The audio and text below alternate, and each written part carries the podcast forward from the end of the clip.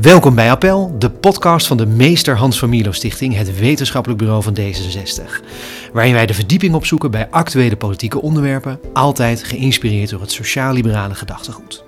Mijn naam is Daniel Schut en vandaag als thema de rechtsstaat, democratie en internationale verdragen. En internationale verdragen en afspraken zijn natuurlijk cruciaal in een steeds verder globaliserende wereld. Multilaterale organisaties, handelsverdragen, ze bieden uitkomst bij grensoverschrijdende verschillen. En ondanks dat globalisering nog steeds toeneemt, ook in dit coronatijdperk, staan er toch steeds meer en meer politici op die juist pleiten voor meer nationale soevereiniteit. En dan vooral ook op het gebied van rechtspraak. Internationale afspraken en verplichtingen die, die beïnvloeden ons nationale rechtssysteem dan ook. Arbitragehoven parallel aan de Nederlandse rechter, uitspraken die conflicteren met de wetten van onze eigen wetgever, die zijn daarbij niet uitgesloten. Wat is de schaduwzijde van deze internationale rechtsverbondenheid? Wat is dan de positie van de Nederlandse rechter wanneer het aankomt op internationale verdragen? En ons parlement heeft hier eigenlijk nog wel vrijheid en vrij spel die het nodig heeft. Hierover gaan we vandaag in gesprek en heb ik bij ons dan niet zozeer in de studio, maar in Zoom twee gasten die er alles van af weten. Dr. Catharine Brulman, universitair hoofddocent internationaal recht aan de Universiteit van Amsterdam en vicevoorzitter van de commissie van advies in in zaken volk- en rechtelijke vraagstukken. Het is een hele mond vol, Catharine. Ik verslik me er gelijk in. Catharine, welkom. Ja, dank je. Goed dat je er bent. En dokter Johan Adriaanse, universitair docent Europese studies aan de Maastricht University met een specialisatie op het gebied van internationale politieke economie, EU-instituties en de externe relaties van de EU. Welkom, dokter Johan Adriaanse.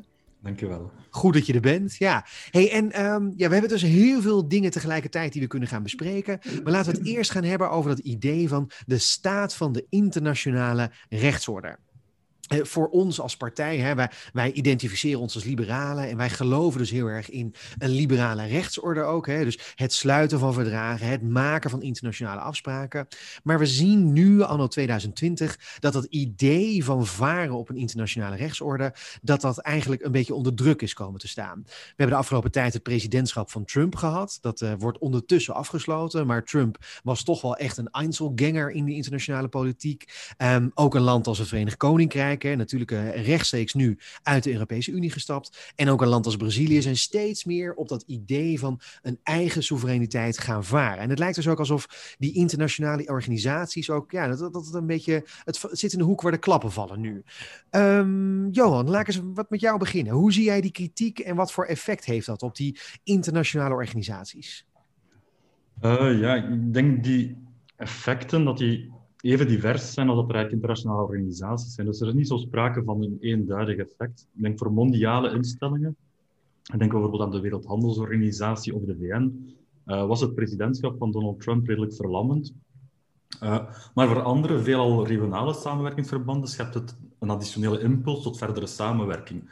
Ik denk dan bijvoorbeeld ook aan de EU, waar dat integratie op, op militair vlak uh, lang onmogelijk lijkt, maar er discussies over ja, we kunnen niet meer rekenen op die transatlantische alliantie, dat die eigenlijk een soort van nieuwe impuls gaven tot samenwerking. Dus die, die effecten zijn, zijn, zijn zeer, zeer divers. Uh, maar ik denk dat ik toch ja, drie misschien bredere tendensen kan aanstippen, die dat misschien wel mij opvullen. En in eerste orde is dat eigenlijk een grote mate van uh, onvoorspelbaarheid in het systeem. Dus internationale verdragen zijn eigenlijk expliciet opgesteld om, om stabiele allianties te creëren, of al sinds een zekere mate van voorspelbaarheid in het systeem te brengen. Um, Uh, maar die, denk ik, staat, staat wel onder druk, omdat de houdbaarheid van een akkoord is geen certitude niet meer. Veel akkoorden worden terug opgeblazen of worden heronderhandeld. Wat misschien ook wel een, denk ik, als er één goede uh, consequentie is van uh, het, het, Trumpiaanse beleid, bij wijze van spreken, is dat we eigenlijk bestaande akkoorden meer in vraag stellen. Dus het is niet allemaal louter kommer en kwel, yeah. maar het vers, vermindert wel die voorspelbaarheid. Ja, voordat je verder gaat met die andere twee dingen. Hè, um, het eerste, denk ik, wat nu bij me opkomt als naar je luister, is: ik, um, ik denk dat veel mensen misschien niet altijd doorhebben dat internationale organisaties en internationale verdragen met elkaar samenhangen. Dat dat natuurlijk een verdragsorganisatie is. Maar het, het, tweede, wat ik heel interessant vind, is wat je zegt, is dus dat je um, sommige verdragsorganisaties zijn onder druk komen te staan. VN aan de ene kant, Wereldgezondheidsorganisatie aan de andere kant. Maar andere daarvan kun je juist zien dat we daar juist misschien met meer respect naar zijn gaan kijken. Uh, Catharine, hoe, zie jij dat vanuit jouw perspectief? Ehm, nou ja, er zit, Johan heeft dat heel uh, goed gezegd, dat er eigenlijk natuurlijk verschillende type effecten te zien zijn. Overal heeft iedereen het ook in mijn vak over de backlash tegen het multilateralisme. Hè? Dat is nu helemaal de grote zorg of het grote onderzoeksonderwerp. Um, en dat is ook wel zo. Er is inderdaad, zoals jij ook schetste, Daniel, is er een soort uh, beweging gaande, met name van, van uh, wat grotere, machtiger staten, uh, om, om, om, om een, een soort alleingang naar voren te brengen.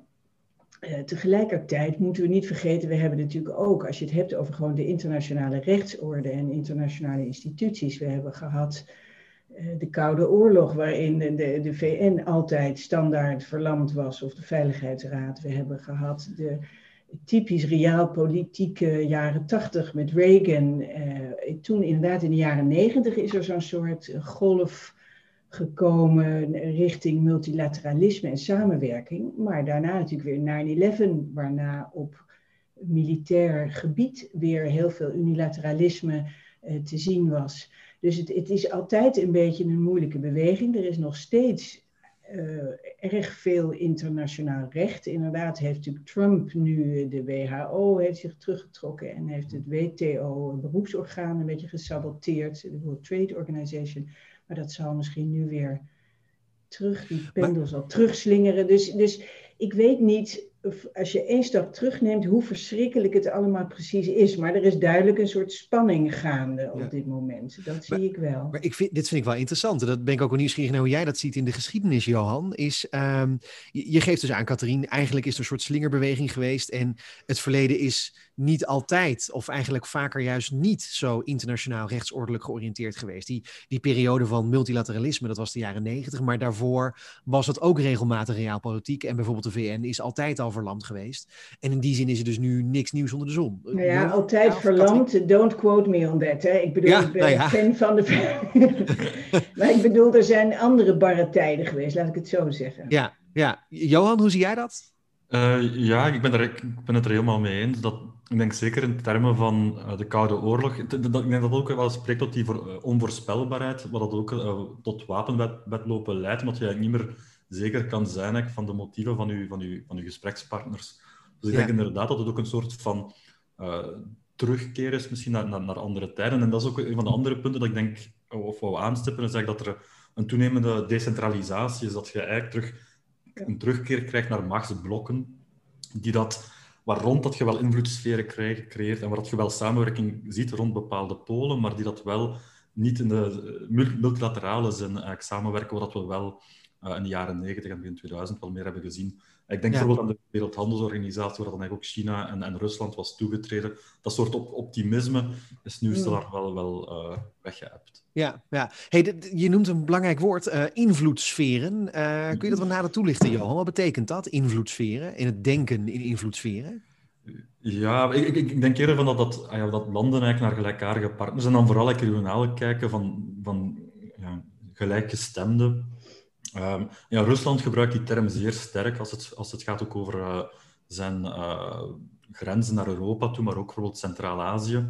Um, dus ik, ik, denk dat, je, dat dat soort politiek komt dan weer, weer op, op, opsteken, waarin dat dan... Uh, wat, ja.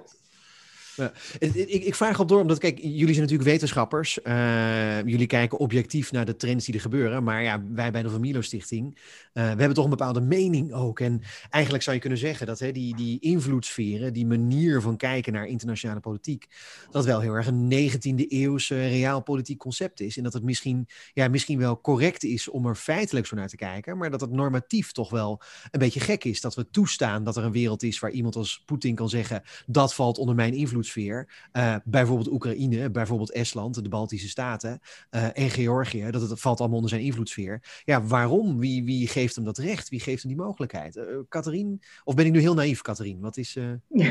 Ja.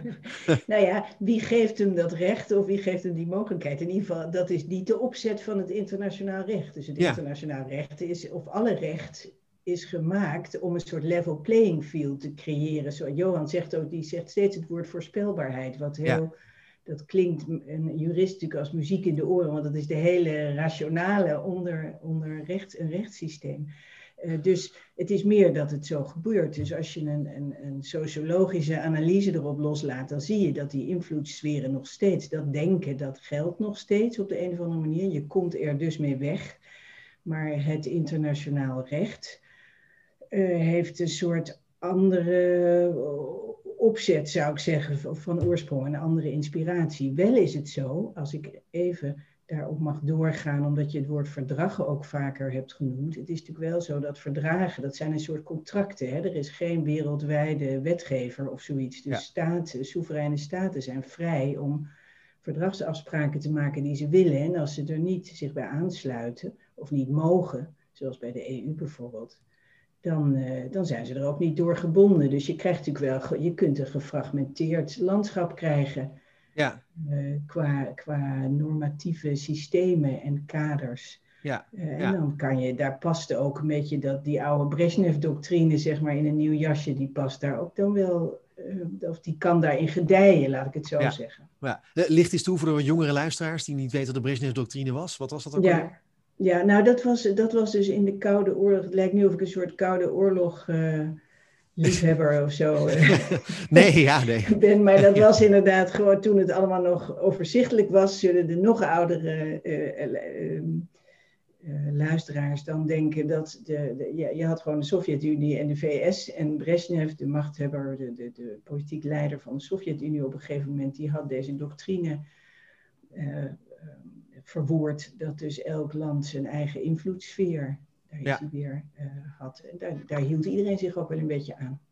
Ja, op de, behalve aan de randen dus, dus een beetje eigenlijk, maar grotendeels hield men zich eraan. En het voordeel van die afspraak was natuurlijk dat als je elkaars invloedssfeer respecteert, dat het dan, nou ja, zoals Johan het ook aangaf, voorspelbaarder is. Dat je dus, eh, als je niet met elkaar ruzie maakt, ja, dan hoef je dus ook geen ruzie te maken, hoef je dus ook geen oorlog te hebben. Dus in, in zekere zin is dat denken in invloedssferen misschien wel uh, de redding geweest in de Koude Oorlog.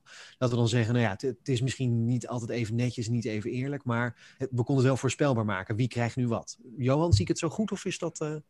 Ja, ik denk dat misschien een ja, voorspelbaar, maar ook instabiel in de zin van dat ja, die, de, een groot deel van de politiek was over het, het, uitbreiden van die, van die invloedssfeer. Dus er was altijd wel een zekere vorm van competitie of, of een marge van onduidelijkheid tot waar dat die sferen reikten. Of, een soort van proxy, proxyoorlog, moet je zeggen, uh, dat dan werd uitgevochten uh, ja, in, in die derde landen. Uh, dus ik, ik, zou niet, ik denk voorspelbaarheid, het is uiteindelijk, eh, omdat het eigenlijk een soort van stalemate was, is dat gebleven. Wat dat nu anders is, denk ik, dan toen, is dat we nu zitten in een bipolair systeem, dat eigenlijk relatief simpel in, in dat opzicht is. Uh, maar dat wij nu echt zitten met een, een, een multipolair systeem, waar dat, zowel Rusland, China als de VS hun eigen koers varen, waar dat eigenlijk ook India zich stilaan begint te roeren. Ja, dat maakt dat er veel grotere onvoorspelbaarheid in het systeem drukt. Want iedereen heeft ergens wel zijn in, interesses of, of, of, geografisch of geopolitieke interesses. Ja, ja. Dat is, want we blijven hameren op het idee van voorspelbaarheid. Dat is wel. Uh, we, gaan een beetje misschien af van de onderwerpen waar het over zou moeten gaan hoor. Maar uh, dus denk ik wel interessant om te weten. Uit, uit, mijn eigen vakgebied. Hè, ik ben zelf van oorsprong politicoloog en ook internationale betrekkingen ooit gedaan. daar inderdaad wel geleerd dat een multipolaire wereld is inderdaad wel. heeft een groter risico op oorlog. Omdat al die mensen houden met elkaars verwachtingen rekening, maar maken er ook allemaal fouten in. En um, ja, hoe meer mensen er zijn om rekening mee te houden, hoe, ja, hoe meer fouten je dus kunt maken. Um, en dan kan het dus sneller escaleren, inderdaad. Dus dat is, ja, zo'n multipolaire wereld eh, kan misschien nog wel gevaarlijker zijn, eigenlijk, inderdaad. Ja, jeetje. Um, maar maar het, het, raakt wel allemaal aan dat idee van soevereiniteit. En dat idee van dat een land dus een eigen uh, ja, een, land als, heeft dus een eigen grondgebied, daar is het soeverein over. Maar dan heb je dus bepaalde landen die heel speciaal zijn, die hebben nog meer soevereiniteit over uh, gebieden waar ze mee samenwerken. Dus hè, Rusland heeft dan een eigen soevereiniteit over het eigen grondgebied, maar dan ook nog een invloedssfeer waar het dan ook nog eens in gerespecteerd moet worden. En hetzelfde geldt voor China, misschien nu ook voor India, datzelfde geldt ook voor de Verenigde Staten. Die hebben duidelijk een eigen invloedssfeer, waar ze dan ook een bepaald soort van vorm van soevereiniteit over moeten hebben. Hoe, hoe relevant is zo'n concept, zo'n concept van nationale soevereiniteit? Wat, wat betekent dat nog in de 21ste eeuw? In de multipolaire wereld? Johan, ga je gang? Ehm, ja, ik denk als je echt spreekt over nationale soevereiniteit, uh, in een geglobaliseerde wereld, uh, denk ik dat het eigenlijk een, een, een, een illusie is. Ja. Um, als je kijkt bijvoorbeeld, ik, maar om iets maar banaal te pakken, bijvoorbeeld over de onderhandelingen van de lonen, of beslissingen omtrent vennootschapsbelasting, om het even in een economische sfeer te brengen en misschien minder ja. security. Ja. Um, um, als je kijkt naar de onderhandeling van lonen of, of, of, of vennootschapsbelasting, ja, Nederland of België, die hebben daar eigenlijk wel de soevereiniteit om te beslissen, maar die beslissing is eigenlijk al heel sterk gebonden aan wat dat de omringende landen doen, bijvoorbeeld, wat dat eigenlijk de marge, wat dat de markt eigenlijk ons dicteert. Um, dus eigenlijk die, die, die, idee van complete soevereiniteit, ik denk dat soms eigenlijk wel een illusie is. Uh, en Henry Ford, de autobouwer, sprak in die zin van, ja, de klant kan zijn Model T in eender welke kleur hebben als hij maar zwart is. En ik denk dat eigenlijk, de, zeker in een, een, zeer geglobaliseerde wereld, is het, is, het een, is het een zekere illusie ook om te denken dat we nog complete soevereiniteit hebben over, zeker als het gaat over economische beslissingen, want die worden eigenlijk in grote mate, of zelfs bijvoorbeeld als we denken over klimaatambities. Ik zag, zag in Nederland ook dat de boeren daar bijvoorbeeld uh, tegen, of tegen te vergaande ambities protesteren, ook uit vrees dat er bijvoorbeeld zou kunnen leiden tot import van landen die dat niet gebonden zijn aan die akkoorden. Dus dan de, de, de, beslissingsvrijheid dat we effectief hebben, is zeer sterk uh, gelimiteerd, denk ik, door uh, die globalisering. Ja. Als ik één ding daar maar toevoegen, van ik denk niet, uh, ik, wil even, ik denk niet dat soevereiniteit daardoor geen nuttig concept is, maar de nationale ja. soevereiniteit, denk ik dat eigenlijk in deze tijden ja, meer een illusie is dan, dan eigenlijk een, een, een realiteit. Ja, ja, ik, ik wil er straks dieper op ingaan. Want wat ik jou eigenlijk hoor zeggen is ook dat het empirisch dus eigenlijk moeilijk uit te halen is. Maar, maar Katrien, jouw reactie, uh, hoe zie jij dat dan? Hebben we daar nog iets aan, dat concept nationale soevereiniteit? nou ja, in termen van, van invloed uitoefenen en dingen kunnen oplossen, ben ik het volledig eens met uh, wat Johan zegt. Uh, dat, dat je als, als nationale entiteit, of uh, ja, dan, ga je het in je eentje niet redden. Niet op het gebied van de economie, niet op het gebied van sociale voorwaarden of veiligheid of wat dan ook. Uh, het is wel zo, als ik het juridisch bekijk, de, laten we zeggen, de scharnier waar, waarop alles nog steeds draait, internationaal rechtelijk, is de scharnier van de soevereine staten. En die, dus als je kijkt, ik, ik, doe nog maar even de VN, maar er zijn 193, uh, nee, er zijn iets van 350 intergouvernementele organisaties in de wereld. Jeetje. Ja, meer dan staten, bijna twee keer zoveel. Uh, maar als je kijkt naar de VN of zo, ja, daar heb je natuurlijk toch uh, één staat, één stem in de algemene vergadering. Dat zijn, die resoluties zijn niet bindend, maar soms heel gezaghebbend. En zo geldt het voor talloze uh, organisaties. Het draait om die soevereiniteit, verdragen die regimes instellen, die worden gesloten door staten. Uh, en dat zijn soevereine staten, anders hebben ze geen verdragsluitende bekwaamheid. Dus, dus het hele, zeg maar, het formele systeem om, om normatieve kaders, om samenwerkingskaders op te zetten, waarvan ik het helemaal mee eens ben dat ze nodig zijn, dat je niet zonder kunt, maar het formele systeem hangt op soevereiniteit. Ja. Ja. Dus, dus laten we ook weer niet. En dan kan je wel zeggen, het was natuurlijk heel lang heel erg uit de mode, omdat het, omdat het gelinkt is aan nationalisme en engigheid en gekkigheid.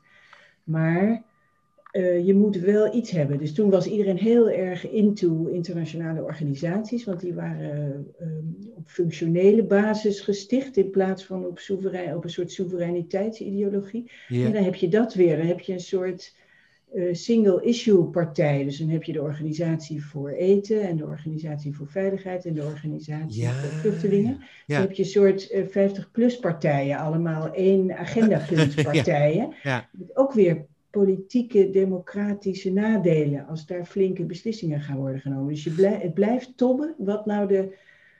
Uh, maar goed, nu ga ik ook wel in een normatief uh, sfeer, terwijl ik natuurlijk juist aan het vertellen was hoe het gewoon zat juridisch. Maar ja, in ieder geval, de... soevereiniteit is nog steeds wel belangrijk als je gewoon zaken wil doen ja. maar je kunt het niet in je eentje als staat. Dat, dat ben ik helemaal met jullie eens. Ja, nee, de, de, de vraag is natuurlijk wel, de soevereiniteit heeft, heeft, is ook een organiserend principe. Hè? Zoals Kissinger ooit zei over de Europese Unie, ik weet niet wie moet bellen. Uh, dus belt hij Duitsland maar, was uh, dan een beetje de oplossing doorgaans. uh, maar ja, want die hele geschiedenis van het concept soevereiniteit, die is natuurlijk eeuwen oud. Hè? Dat begon ooit met uh, Hobbes, geloof ik, ooit. En toen was er een oorlog in Europa, zoals er altijd oorlog was in Europa. Het was het cuius regio, eius religio. Dat is eigenlijk het begin, geloof ik. Tenminste, correct me if I'm wrong. Hè. Ik ben niet uh, de, de professor hier. Dus, uh, maar dat was het begin van dat idee van soevereiniteit. Toen kwam er ook nog het idee van een soort geweldsmonopolie bij. De, hoe oud is dat concept eigenlijk? En het is dus juridisch helemaal verankerd. Uh, en dan straks nog weer even naar Johan over wat andere dingen. Maar, maar hoe oud is dat concept soevereiniteit eigenlijk nog niet? Dat hangt er allemaal aan vast. Uh, hoe, hoe, oud het is, dus de, de politicologische ideeëngeschiedenis, dat laat ik graag aan, uh, aan Johan. Want ik weet zeker oh, dat hij ja. dat nog, nog mooier kan zeggen. Maar ik kan je zeggen dat zeg maar, het moderne volkenrecht, waar wij in feite nog. En volkenrecht dat is uh, synoniem voor internationaal recht, dus recht ja. wat niet door één staat wordt gemaakt. Dat, waarmee wij in feite nog werken, is eh, standaard wordt gezegd dat is begonnen bij de Vrede van Westfalen in 1648. Ja. Dat is natuurlijk niet uh, precies toen geweest, maar dat is een beetje het moment van al die vredesverdragen uh, waarin mensen ineens zagen, hé, hey, het is niet meer de pauze en de keizer, waar iedereen klem zit, waar, daartussen. Maar het zijn allemaal staten en koninkrijken. Ja. Dus dat was voor het eerst dat die uh, volstrekte vrijheid op eigen gebied, dus soevereiniteitsdenken. Eh, begon. Ja. En daar is eigenlijk dat beetje contractuele, horizontale afspraken maken, dat, dat, uh, recht, dat internationale rechtsdenken is daarop geënt. Ja. Ja, zoals het mij verteld is, maar Johan, jij weet daar wel duidelijk meer van. Maar zoals het mij ooit verteld is op mijn eerstejaarsvakje politicologie, uh, was dat het in 1648 ook vooral uitgevonden was als idee om oorlogen wat meer te voorkomen. Dat dus nationale soevereiniteit en dat idee cuius regio, eius religio. Het idee is dus, hè, ben jij de prins, de baas, de keizer, de koning, wat je dan ook maar bent in dat gebied, bepaal jij of ze protestant of katholiek worden. En mm. ja, dat was de gedachte. Dan mag je daar niet meer ruzie over voeren of er katholiek of protestanten in dat gebied zitten. Uh, Johan, zie ik dat goed of heb ik het verkeerd onthouden? Of heb jij geen idee hoe dat zat? ik was er niet bij in 1648 natuurlijk, ja. Nee, maar ik, ja, ik heb ook een vooropleiding als econoom, dus eigenlijk de, oh, ja. de, politieke geschiedenis heb ik jammer genoeg uh, moeten missen. Zo, al, al nou, maar het is veilig om, het, uh, om staatssoevereiniteit in ieder geval, omdat ergens in de 17e eeuw. Ik weet zeker ja, dat, dat, Johan ja. en ik het daar. Ja, maar, maar, maar Johan, want je, je zegt dus, je hebt een opleiding als econoom, want dat brengt mij dan inderdaad bij toch weer die empirische uitdaging van dat idee van soevereiniteit. Um, dat, want jij zegt dus het is gewoon empirisch niet te doen, soevereiniteit, om dat telkens maar aan één land op te hangen. Het lukt gewoon niet om zelf beleid te voeren. Sociaal beleid, economisch beleid. Je hebt de The Impossible Triangle, heet het geloof ik, hè, van Fleming en Mundell ergens. Wat ja. is dat? Kun je dat uitleggen?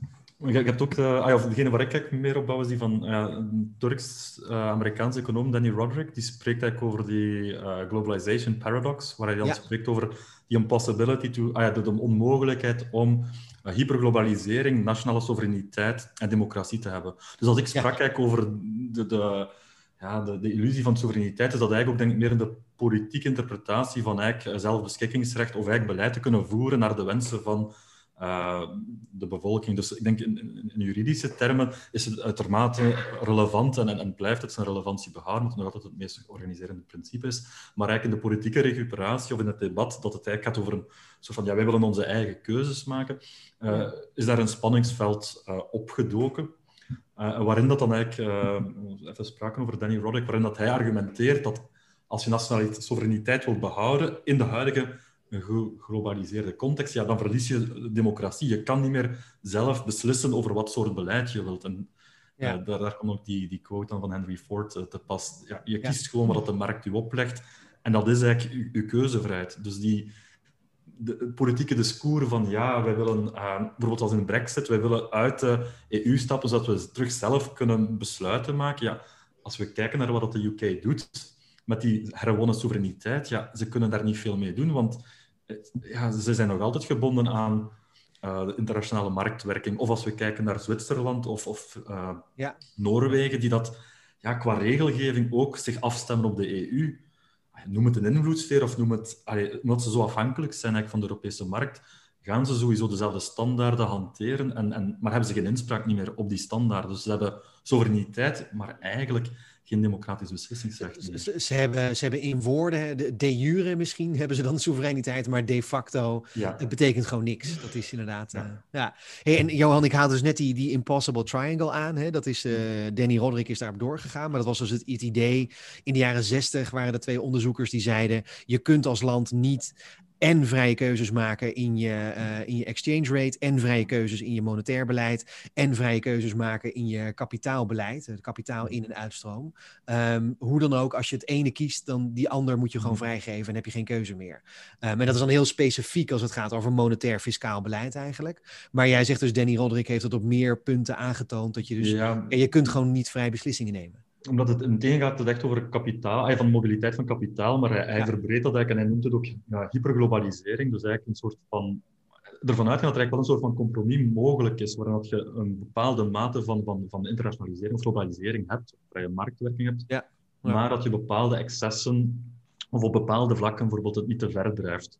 Um, Ja. Is natuurlijk de, de, de, de hamvraag is, ja, hoe ver uh, kan je naar globalisering gaan en tegelijkertijd nog een, een zeker compromis Ja. kunnen uh, handhaven, ah, of een zeker zelfbeslissingsrecht behouden. We, we zien het interessante nu ook precies gebeuren bij de Brexit-onderhandelingen. Ik begreep dat daar loopt het deels vast op het dossier visserij. En wat daar het rare is, is dat de Britten dus heel graag een heel stuk gebied willen hebben waar hun vissers heel veel vis kunnen vangen. Eh, ergens bij de Doggerbank is dat geloof ik. Ik weet het niet helemaal precies, dus pin me er niet op vast als ik het verkeerd zeg. Eh, maar het probleem is nu dat ze dus, ehm, ze willen daar heel graag wel vangen. De EU zegt eigenlijk, nou ja, doe dat liever niet. We willen liever daar nog beleid over kunnen voeren als EU. Dus hoe die grens dan precies zit. Maar het probleem is, als die Britten die, die dat gebied wel krijgen om die vis te vangen, is maar de vraag, waar moeten ze die vis die ze vangen, waar moeten ze die verkopen? Want dat verkopen ze grotendeels aan uh, de EU. En de EU gaat natuurlijk zeggen, ja, dat is vis die we eigenlijk onder het visserijbeleid hadden willen laten vallen. Dus dat gaan we niet importeren. Dus ja, dan vangen ze met z'n allen vis. Zijn ze heel soeverein in hoeveel vis ze kunnen vangen, maar niet soeverein in hoeveel vis ze kunnen verkopen. Is dat een, is ja. dat een beetje de termen waar ik in moet denken, Johan? Of is dat, ja, uh... ik, denk, ik denk meer in de richting van wat ze daar de... Uh, ze spreken altijd over een, een soort van uh, free and frictionless trade. Dus eigenlijk ook over ja. het, het, de, de, die, die discussies eigenlijk over de level, level playing field, waar Katrien ja. ook eerder op alludeerde. En dat daar dat, dat, dat fenomeen nog sterker optreedt, dat... Ja, de, de, de, de Verenigd Koninkrijk zou eigenlijk ook in zekere mate de EU-regelgeving moeten kunnen aanvaarden. De, de, de, de uitdaging is eigenlijk, het Verenigd Koninkrijk heeft telkens gezegd, wij willen soevereiniteit omdat we andere regels willen. Ja. De EU wil dat die regels niet competitief verlaagd worden om... Ja, dus dat eigenlijk het Verenigd Koninkrijk bijvoorbeeld bepaalde milieustandaarden zou verlagen en daardoor competitiever wordt op de Europese markt. Ja. Als dat zou gebeuren, ja, dan wil de EU kunnen optreden en zeggen, ja nee, sorry, uw producten zijn niet meer gelijkwaardig. En als die niet gelijkwaardig zijn, dan moet er ofwel een tarief of moet er eigenlijk uh, een andere testing komen of zo. Ja. En, en, en, daar loopt het een beetje op, op, op, vast, van de herwonnen soevereiniteit, die dat ze dan wouden om alle Brusselse regeltjes die dat ze niet wensen overboord te gooien. Die regeltjes zijn daar eigenlijk vaak voor consumenten te beschermen. Dus als, als het Verenigd Koninkrijk die gaat verlagen om competitief te worden op de Europese markt, gaat de Europese Commissie of de Europese Unie zeggen, ja, sorry, maar dan, dan kunnen wij die goederen niet meer op dezelfde manier toelaten. Ja. Ja. En in die maar, mate... maar je zou natuurlijk vanuit onze kant kunnen zeggen, ja, dat is dan onze soevereiniteit als Europese Unie. Dan heb je gewoon pech als Brexit, uh, als uh, Groot-Brittannië. Jullie wilden soevereiniteit om niet meer mee te doen aan de Europese Unie. Jullie zijn er nu uitgeklapt. Wil je nog iets verkopen? Ja, het is onze soevereiniteit om op onze markt te zeggen, aan deze regels moet je voldoen. Um, deal with it. Waarom zeggen we dat eigenlijk niet, Johan? Um, maar dat is, ik denk dat ze eigenlijk in de onderhandelingen, nu dat, zolang dat de onderhandelingen lopen, ja, is, het, is het dat wat ze zeggen. Kijk, dit ja. zijn, wij gaan niet raken aan de principes. Het Verenigd Koninkrijk heeft zijn eigen geloofwaardigheid ook een deuk toegebracht. Niet alleen onder andere met de uh, mogelijk herzien van het uh, withdrawal agreement. Ze hebben eigenlijk een aantal... Ze hebben een eigen ruiten ingegooid, waardoor dat, terecht kunnen twijfelen soms aan de geloofwaardigheid van bepaalde engagementen. Om bijvoorbeeld te zeggen, ja, maar we gaan onze standaarden niet, niet competitief verlagen. Want eigenlijk een heel deel van het discours voor Brexit was juist op het vrijbreken van de EU om dan te kunnen verlagen. Dus ik ja. denk, zolang dat die onderhandelingen lopen, is ook wat het EU effectief zegt. Is eigenlijk, ja, um, als je echt frictionless trade wilt, ja, dan moet je ook aan dezelfde standaarden zitten. Ja. Ja. En, en, en, als dat niet is, ja, dan, dan, zijn er, dan zijn er sowieso barrières om te controleren of dat die goederen conform zijn. En als ze niet conform zijn, ja, dan worden ze niet toegelaten. Ja, ja. Katrien, we, we, zijn helemaal nu terechtgekomen in een discussie over Brexit en Groot-Brittannië en eigenlijk dus ook over de Europese Unie. Um, ja, de, de, de, Europese Unie is dus ook zo'n verdragsorganisatie, uh, annexorganisatie waar Nederland aan deelneemt. Is dit voor Nederland de belangrijkste organisatie qua verdragen? Want je zegt, er waren er 350. Uh, zijn wij van allemaal lid? En hoe zit het precies? Um is de EU de belangrijkste organisatie? Ja, in welk opzicht? Qua, bedoel je, qua, Hoe bedoel je qua verdragen? Qua handelsverdragen ook? Omdat we het net ja, nou ja, over brexit... Onder andere qua handelsverdragen. Mm. Uh, onder andere qua in hoeverre uh, Brussel toch onze soevereiniteit afpakt. Om het dan maar even in termen te zeggen. Ja. Waar ik zelf helemaal niet in geloof. Maar dat is toch ja, af en toe het discours wat eruit nee, komt. Een beetje, laten we zeggen dat je armslag wat minder wordt misschien. Maar de, als, als internationaal recht personen uh, blijven wij dan altijd zeggen, jawel, maar het was je soevereine wil om je te verbinden aan een verdrag. Hè? Dat zijn ook al hele oude discussies van 100 jaar geleden, maakte iedereen zich er druk om. En dan heb je eenmaal een verdrag gesloten en kan je er weer niet zomaar van af, ook al ben je soeverein. Dus dat is een beetje een paradox. Uh, ja, nou ja, dat is ook, ook dat is niet helemaal mijn expertise, maar ik denk in, in, uh, qua economie en ook wel op een soort abstract niveau de mate waarin Nederland gebonden is, uh, denk ik dat de EU wel inderdaad heel erg belangrijk is. Maar dat heeft, uh, als het iemand kan troosten, dat heeft de Nederlandse samenleving of de politiek ook wel uh, voorzien. Hè? Er staat gewoon in de grondwet um, ja. Ja. dat, even kijken, dat is artikel 92 volgens mij. Ehm, eh, dat de, de staat zich kan binden, dus, dus bevoegdheden kan overdragen. Dus het is niet zozeer de soevereiniteit die je weggeeft of zo, maar het, is, het zijn bevoegdheden die je delegeert aan een organisatie. En Nederland is een klein land en een exportland en zo. Dus het is, je zou zeggen, gewoon objectief dat dat heel slim is. Uh, geweest. En Nederland is dan ook aantoonbaar enorm welvarend geworden door de, door de EU. Uh, nou ja, goed, ja. dan heb je natuurlijk, als ik nog één dingetje mag toevoegen, dat maakt het natuurlijk dan, dan uh, extra complex. Uh, oh, de laag. valt een camera om. Ja, ja maar zolang, de, zolang het microfoontje maar nog... er Die is doet ook perfect. Nog de, ja. Ook de laag dat, dat ehm, de EU uh, op een aantal punten qua handel gewoon exclusieve bevoegdheden heeft al, uh, met uitsluiting van de lidstaten. Dus Nederland kan op heel veel punten zelf helemaal geen verdragen meer sluiten over graan of zo, of visserij. Dat is al lang helemaal in de competentiesfeer van de EU. En daarmee gaat de EU dan zelf ook weer eens verdragen sluiten. Zoals dus dat uh, beroemde CETA-verdrag, wat nu aan het sudderen is, maar wat wel allemaal zal gaan lukken en wat al deels voorlopig wordt toegepast en zo.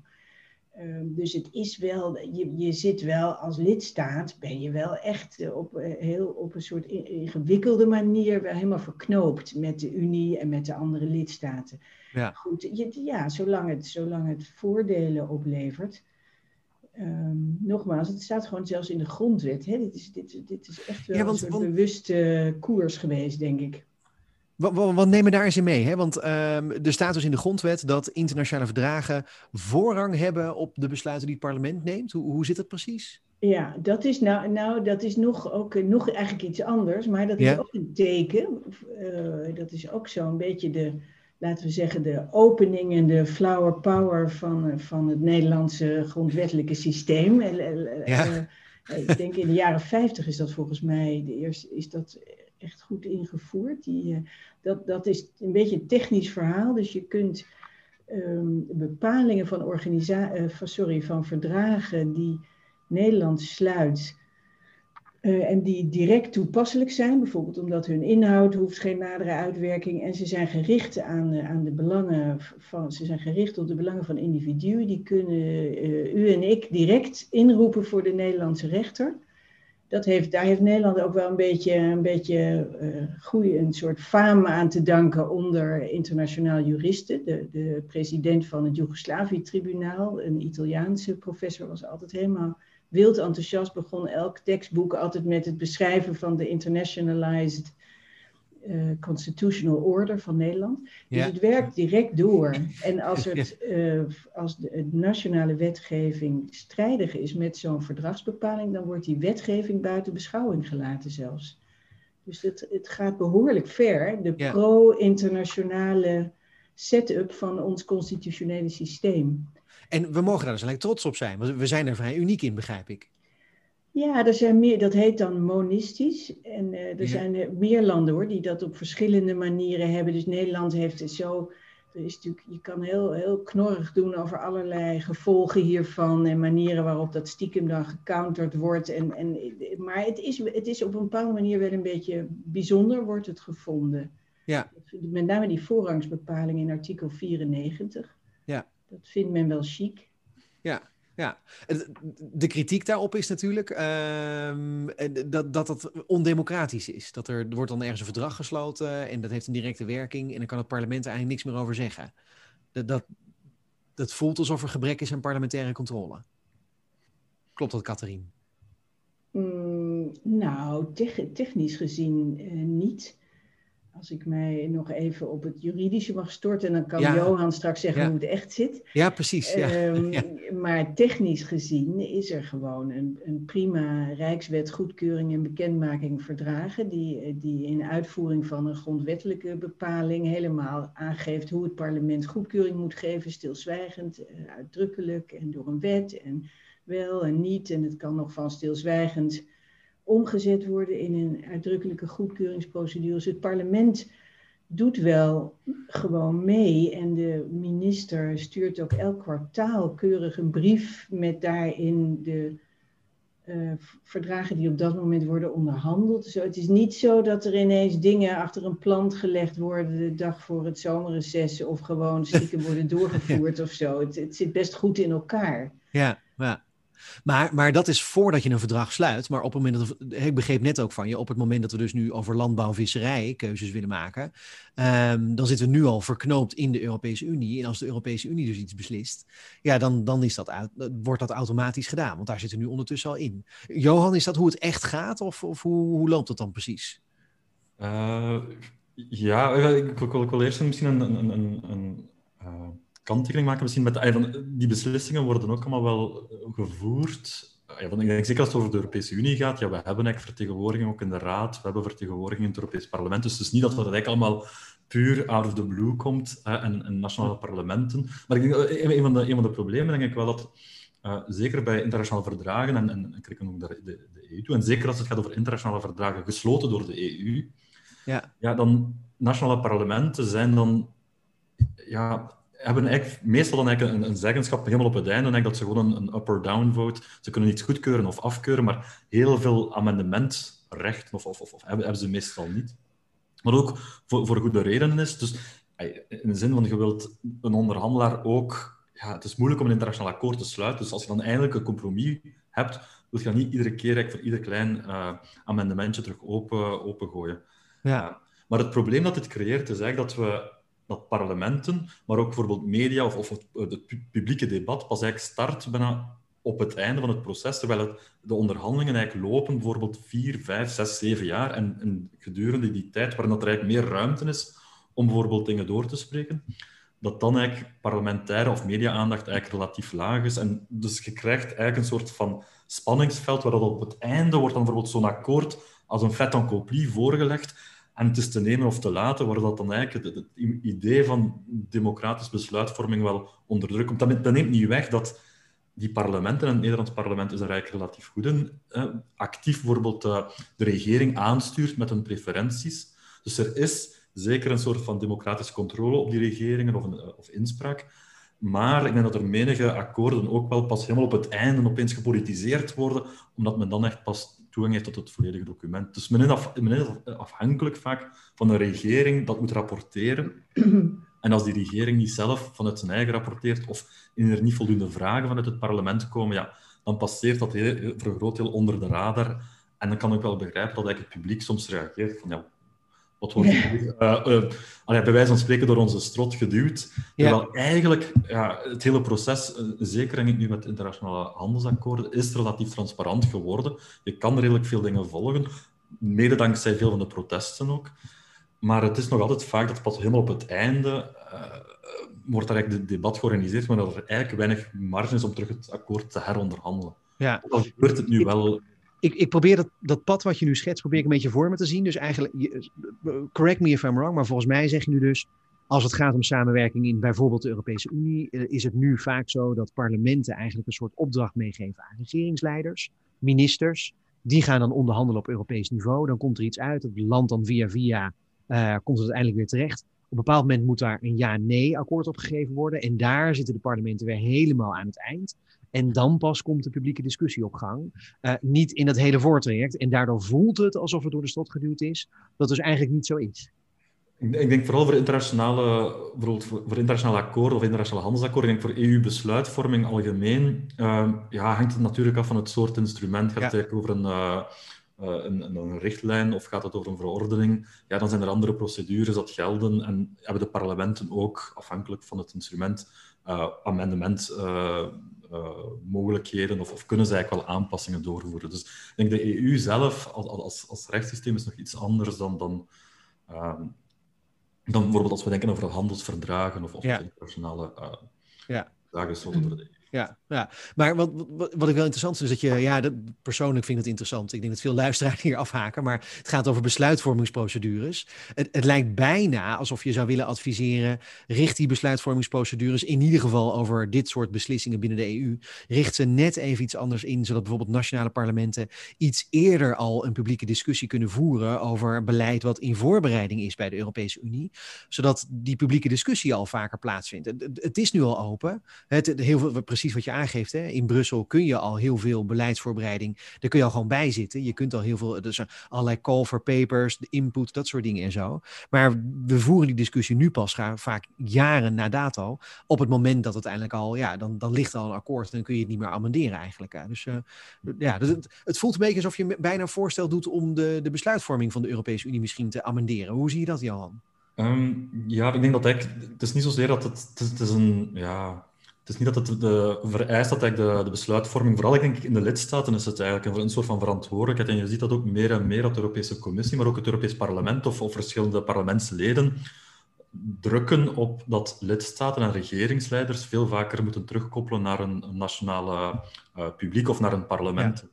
Dus ja, ik denk dat de, de Europa, eh, om misschien een technisch voorbeeld te geven, een van de dingen dat de Europese Commissie nu doet, is eigenlijk het publiceren van een onderhandelingsmandaat. Dus wanneer het eh, commissie start met een onderhandeling, geeft ze vrij eigenlijk wat dat zij uh, als doelen stellen, wat dat voor hun de rode lijnen zijn. Het idee daarachter is ook voor een deel dat de lidstaten dat kunnen bespreken dan met hun parlementen.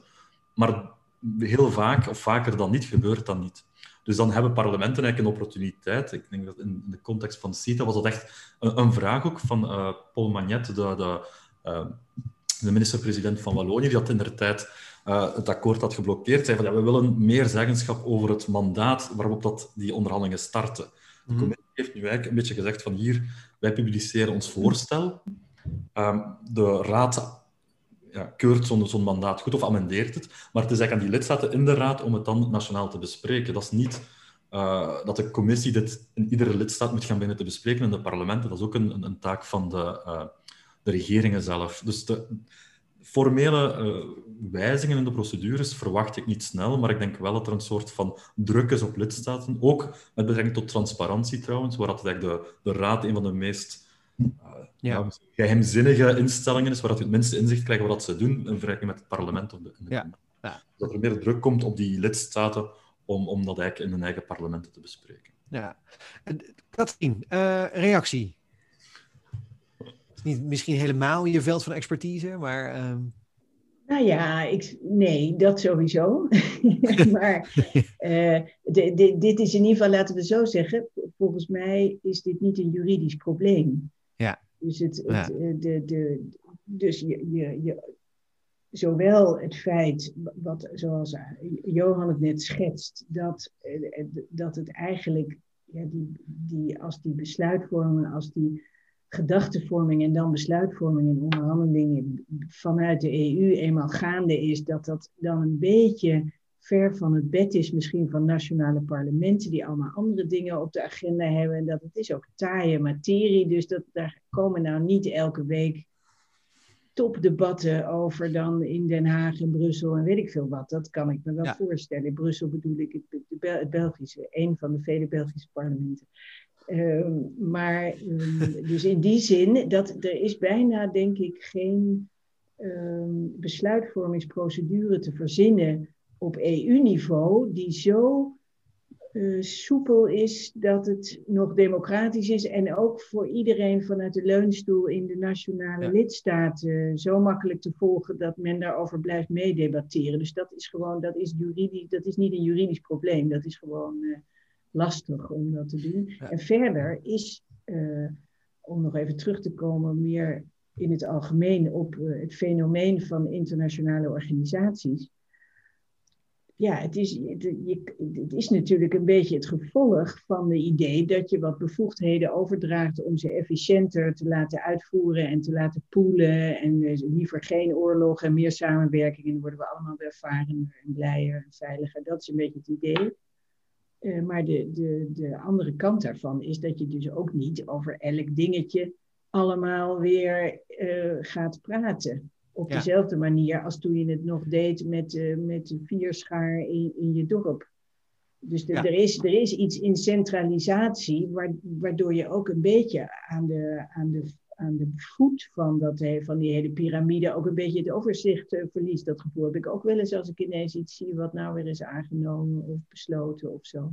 Ja. Maar dat, Hoort er, ja, dat is bijna een beetje de, de, de, de andere kant van de medaille dat is misschien een democratisch proces ook, dat je dan zegt, ja, zo loopt het nu eenmaal en dit hebben we besloten binnen een verdrag, dus dan, ja, dan is dat nu gewoon even wat nou ja, wij, wij, wij, wij, kiezen toch ook eens per vier jaar mensen die we dan een mandaat geven. Ik, ik, ik zit ook niet uh, elke dag kamerstukken door te ploegen om te kijken of het allemaal nog wel, uh, geef ik toe.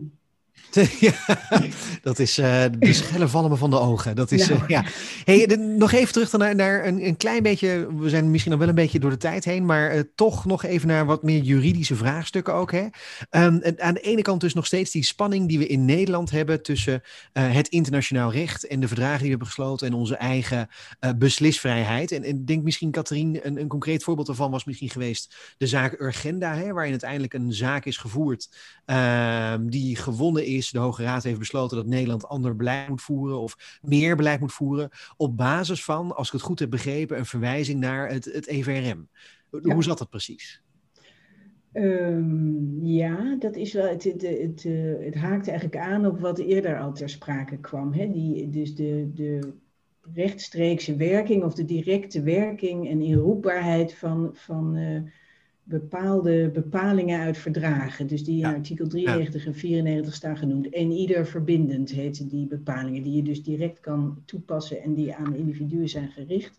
Nou, die klassieke mensenrechten van het EVRM, dat zijn bij uitstek en ieder verbindende verdragsbepalingen. Uh, dat zijn echt van die klassieke mensenrechten, vrijheid van dit, vrijheid van dat, direct, die kun je meteen gaan toepassen en die worden dus ook veel gebruikt en die, die werken dus ook direct door, zoals we daar straks zagen dat het Nederlandse grondwettelijk systeem in elkaar zit. Uh, het, het interessante, waar ook altijd veel over te doen is, uh, het interessante aspect van het EVRM en het Hof in Straatsburg, wat erbij hoort, die, die uh, toetst de toepassing van het EVRM op, op Europees niveau, dus Raad van Europa, hè, niet EU, dus Raad van Europa, dus 49 lidstaten. Het interessante is dat dat Hof heel um, uh, vloeibaar en, en ontwikkelend uitlegt. Dat is echt uniek, de living instrument aanpak die ze gebruiken. Dus dit, die agendazaak, nou kom ik erop, uh, die heeft dus een, uh, een recht op, op bijvoorbeeld een schoon milieu. In die agendazaak heeft de rechter dat eh, gedistilleerd uit artikel 8. Dat is het recht op privéleven in uh, het EVRM. Maar het, het, EVRM is uit 1950. Toen dacht niemand na over uh, milieu.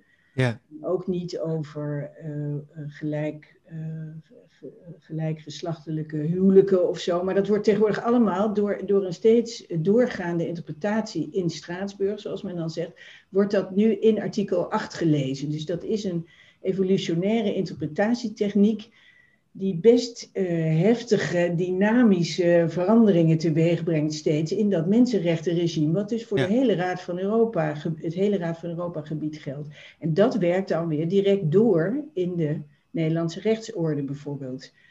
Uh, dus dat, daar hoor je af en toe periodiek de VVD, die wil dan weer iets afschaffen of blokkeren. Dat komt hierdoor. Dat is die combinatie van directe werking eh, via de grondwet en die, en die dynamische interpretatie. Ja, uh, en in agenda is dat dus ook zo gedaan en, en met succes. De eerste zaak voor de rechtbank deed een andere tactiek, juridisch, die, die werd heel erg bekritiseerd. Maar vanaf het Hof, dus het Hoger Beroep en nu de Hoge Raad, hebben ze dus die hebben ze zich gebaseerd grotendeels op het EVRM. En dat, dat, nou ja, dat is juridisch uh, prima. Ja. En, en, we zijn er misschien ook stiekem wel blij mee, maar dat, dat is nog een ander ding. Maar juridisch is het zuiver. Johan dus... heeft hier misschien ook. Uh... Nou, Johan, vertel ja. ja ik, ik, moest, ik moest nu wel denken aan een, een deel van de kritiek. Ik denk dat er, dat er twee elementen zijn. Ik dat ik ook bijvoorbeeld zie een kritieken over de Wereldhandelsorganisatie en Trump die dat dan eigenlijk die, die rechters niet uh, wou benoemen voor de beroepsprocedure. Wat dat eigenlijk trouwens niet alleen Trump was, maar eigenlijk ook al van, van Obama dateert. En dat gaat eigenlijk ook over die, uh, die bewegingsfeit of, of de, de mogelijkheid van rechters om, om toch te interpreteren of een dynamische interpretatie toe te geven aan verdragsteksten die dat soms ook al redelijk oud zijn. En ik zie dat dat ook wel een recurrente kritiek is eigenlijk bij vele verdragen, omdat die, de meeste, zeker zoals die zijn opgesteld, heb je eigenlijk zelf een soort van termijn in gedachten gehad uh, om, om up te daten. En in dat opzicht is uh, Pascal Lamy, een vorige uh, commissaris voor handel in de EU, maar ook voorzitter van de, of president van de Wereldhandelsorganisatie, deed een oproep om meer ja, zeggen, termijnen op te nemen, dat noemen sunset clauses, of dat er eigenlijk een soort van ingebouwde duur zit in die akkoorden, dat die eigenlijk... Oh, dat is interessant. Ja. En, en dat vind ik ergens ook wel interessant, want ik, ik, ik deel, of ik, ik merk eigenlijk een, die, die kritiek wederkeert ook op het uh, Marrakesh-akkoord. De, de, mhm. de, vrees dat er eigenlijk verregaande interpretaties zijn die dat je nog niet in de tekst ziet en, en, dat dat soort verwachtingen politiek maar, uh, sterk wegen. Ja, ik, ik vind het heel interessant. Ik, um, ik vraag me alleen wel af, hoe, hoe legitiem vind ik dat? Want bijvoorbeeld als je op het EVRM, dat is toch het Europees Verdrag voor de Rechten van de Mens, vrij fundamentele rechten lijken mij dat. Die lijken me ook vrij universeel geldig. Als je dan zegt, dat verdrag, daar stap je in, maar nou, we prakken daar een termijn op van, laten we zeggen, 50 jaar. En na 50 jaar, oh ja, mensenrechten zijn niet meer zo geldig. Dat voelt dan toch alsof je mensenrechten niet zo heel serieus neemt. Ja, ik, ik, ik, kan me er niet helemaal uitspreken over deze zaak, maar ik denk, misschien is het te vergelijken als met uh, huwelijksgeloften, die dat je ook om de zoveel tijd hernieuwt. Of, of wilt dat eigenlijk een soort van... Uh, dat, dat, maakt zodat die keuze om er eigenlijk in te stappen, is een soort van reaffirmatie, misschien een aanpassing eigenlijk aan, de, aan, de, aan de huidige tijdsgeest. Uh, en dat kan ook nog gaan met een aantal zeg van, grendels of een aantal condities. Hmm. Maar ik denk bijvoorbeeld, ik ben, ben nu niet zeker waarin bijvoorbeeld eh, een aantal van de investeringsakkoorden dat Nederland heeft, zo die bilaterale investeringsakkoorden, die hebben dat, dat eigenlijk ook ingebouwd. En ik denk dat Indonesië dat eigenlijk ook heeft opgezegd op basis van... Maar het, het, het zorgt voor een soort van periodieke reassessment ook van, van, de, van de engagementen. En dat maakt misschien ook dat het idee van... Ja, we zijn gestart met soevereiniteit en, en, en vragen van en ik denk dat Katrien ook vergelijkt met een contract. En dat is het effectief ook. Je bent vrij als een soevereine staat om in een contract te stappen. Uh, en je bent eigenlijk ook vrij om eruit te stappen. Maar dat, dat, veel internationale verdragen, denk ik dat niet die uitstapregeling, ik denk ook in de context van Brexit, heel goed hebben. Uh, nee, expres niet, hè? Mag ja, ik daar eens aan toevoegen, Daniel? Ja, dat wou ik vragen. Wat mij uh, relevant lijkt. Uh, want het is inderdaad een, een heel goed punt. Maar wat ook met sunset clauses en zo, wat je natuurlijk in het hoofd moet houden, is dat er is dus inderdaad niet een centrale wereldwijde wetgever op een stoel die zegt vanaf 1 januari gaan we niet meer dit of dat dumpen op volle zee of wat dan ook. Dus die functie, de wetgevende functie en de contractfunctie, uh, dus Nederland en België zeggen, nou ja, jij mag op mijn grensrivier varen, maar dan moeten wij toegang hebben tot jouw grensrivier of een stukje land of zo. Dus die beide inhoudelijk hele verschillende type juridische afspraken, die worden in het internationaal recht allemaal bediend door één instrument, wat van vorm contractueel is, namelijk het verdrag.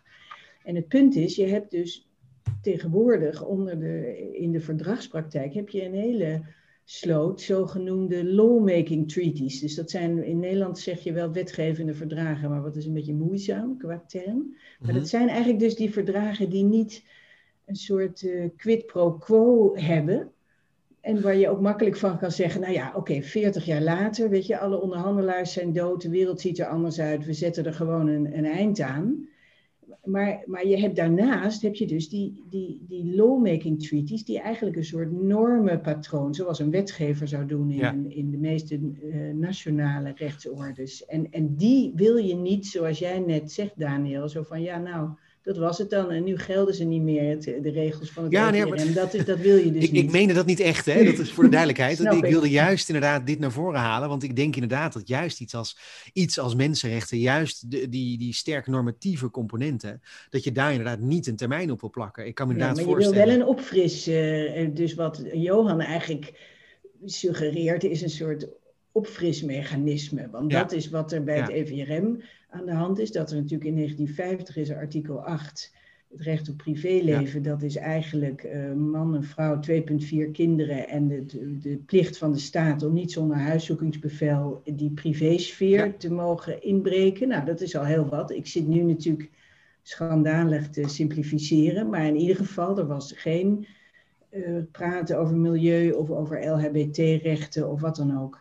En nu willen we dat wel. Dus dat wordt, dat, dat, ja, je kan ook zeggen, op een gegeven moment is het tijd voor een nieuwe tekst, zou je kunnen zeggen. Maar goed, hoe moet je dat dan doen? En wij zitten nu intussen met dus die dynamische interpretatie in Straatsburg, die, die de gemoederen wel af en toe eh, heel erg verhit, omdat dat soms heel ver gaat ten opzichte van de tekst die er ligt. Uh, ja. Maar, maar, ja, we zijn er soms ook wel weer heel blij mee natuurlijk. En Urgenda is ook een klein beetje zo'n voorbeeld. Ja, ja. Johan, tot slot, want we moeten ondertussen echt afsluiten. Johan, ja, ga je gang. Ja? Even, verduidelijken dat ik geen voorstander ben dat alle akkoorden moeten kunnen uh, opgegeven worden. Maar ik wil gewoon even duidelijk nee. Ik begrijp ergens wel die, die, die kritiek of waar dat die vandaan komt. En om, die, om te vermijden dat het kind met het badwatervlug wordt weggegooid, denk ik dat eigenlijk een soort van periodieke opfrissing, of, of dat, er eigenlijk, dat er moet over nagedacht kunnen worden, of dat eigenlijk het geen taboe moet zijn om soms te kunnen spreken eigenlijk voor... Uh, uh, ja, het, het, hernieuwen van de geloften of, of, of een aanpassing naar de, de, de contemporaine context, dat dat altijd wel uh, goed zou kunnen zijn. Om, het, het, het, het, zal natuurlijk ook heel erg afhangen van het soort gebied waar je het over hebt. Hè? Ik denk dat het onderscheid van Katrien daar heel, heel scherp in is. De lawmaking treaties, die dus wat meer normstellend zijn, versus inderdaad gewoon puur een de economisch belang. treaties heten ze. Hoe heet dat? De andere heten de contract treaties. In contract de, treaties, ja. In de business, dus waar de inhoud meer uh, A tegenover B, uh, dat je wat uitwisselt is. Ja, waar, waar meer bargaining eigenlijk is over materiële belangen eigenlijk inderdaad. Ja, ja. razend interessant. Hey, we moeten hem afsluiten. Ik vind het heel jammer, want ik heb echt ontzettend veel geleerd.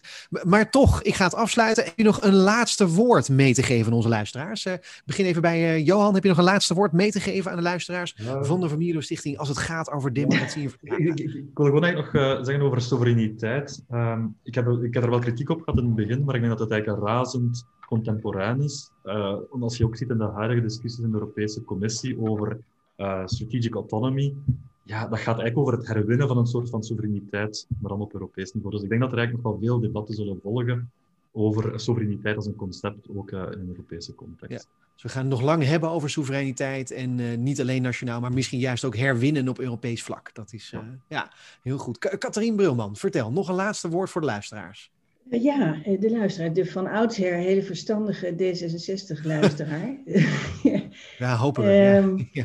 Uh, even denken. Ik zou, ik zou zeggen, um, laten we niet in de valkuil vallen dat je van het recht iets verwacht wat je politiek, emotioneel niet voor elkaar krijgt. Dat zie je wel eens in, bij nationaal recht en zeker ook bij internationaal recht. Dan, dan, iedereen streeft dan zijn eigen belangen na en verwacht dan dat op de een of andere manier het internationaal recht, wat wij immers toch zelf hebben gecreëerd ondertussen, dat dat dan uh, ons bij de les houdt, bijvoorbeeld rechte pad houdt. Maar die, dat kan maar tot een heel, dat is een soort 19e eeuws misverstand, maar dat kan eigenlijk maar tot heel beperkte hoogte. Dus, dus, uh, dus niet, ik zou zeggen, nooit te veel katten op soevereiniteit en dat soort dingen en op rechtsregels, maar meer zorgen dat de politieke en sociale bewustzijn uh, groeit en wakker blijft.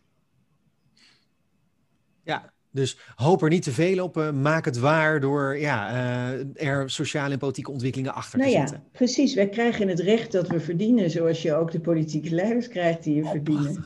Ja. Allemachtig. Ja, nou, dat vind ik een mooie quote om mee te eindigen. Katarien Brulman, we krijgen het recht dat we verdienen. Hartstikke goed. Ik wil jullie van harte danken. Dr. Katarien Brulman van de Universiteit van Amsterdam. Dr. Johan Adriaansen van de Maastricht University.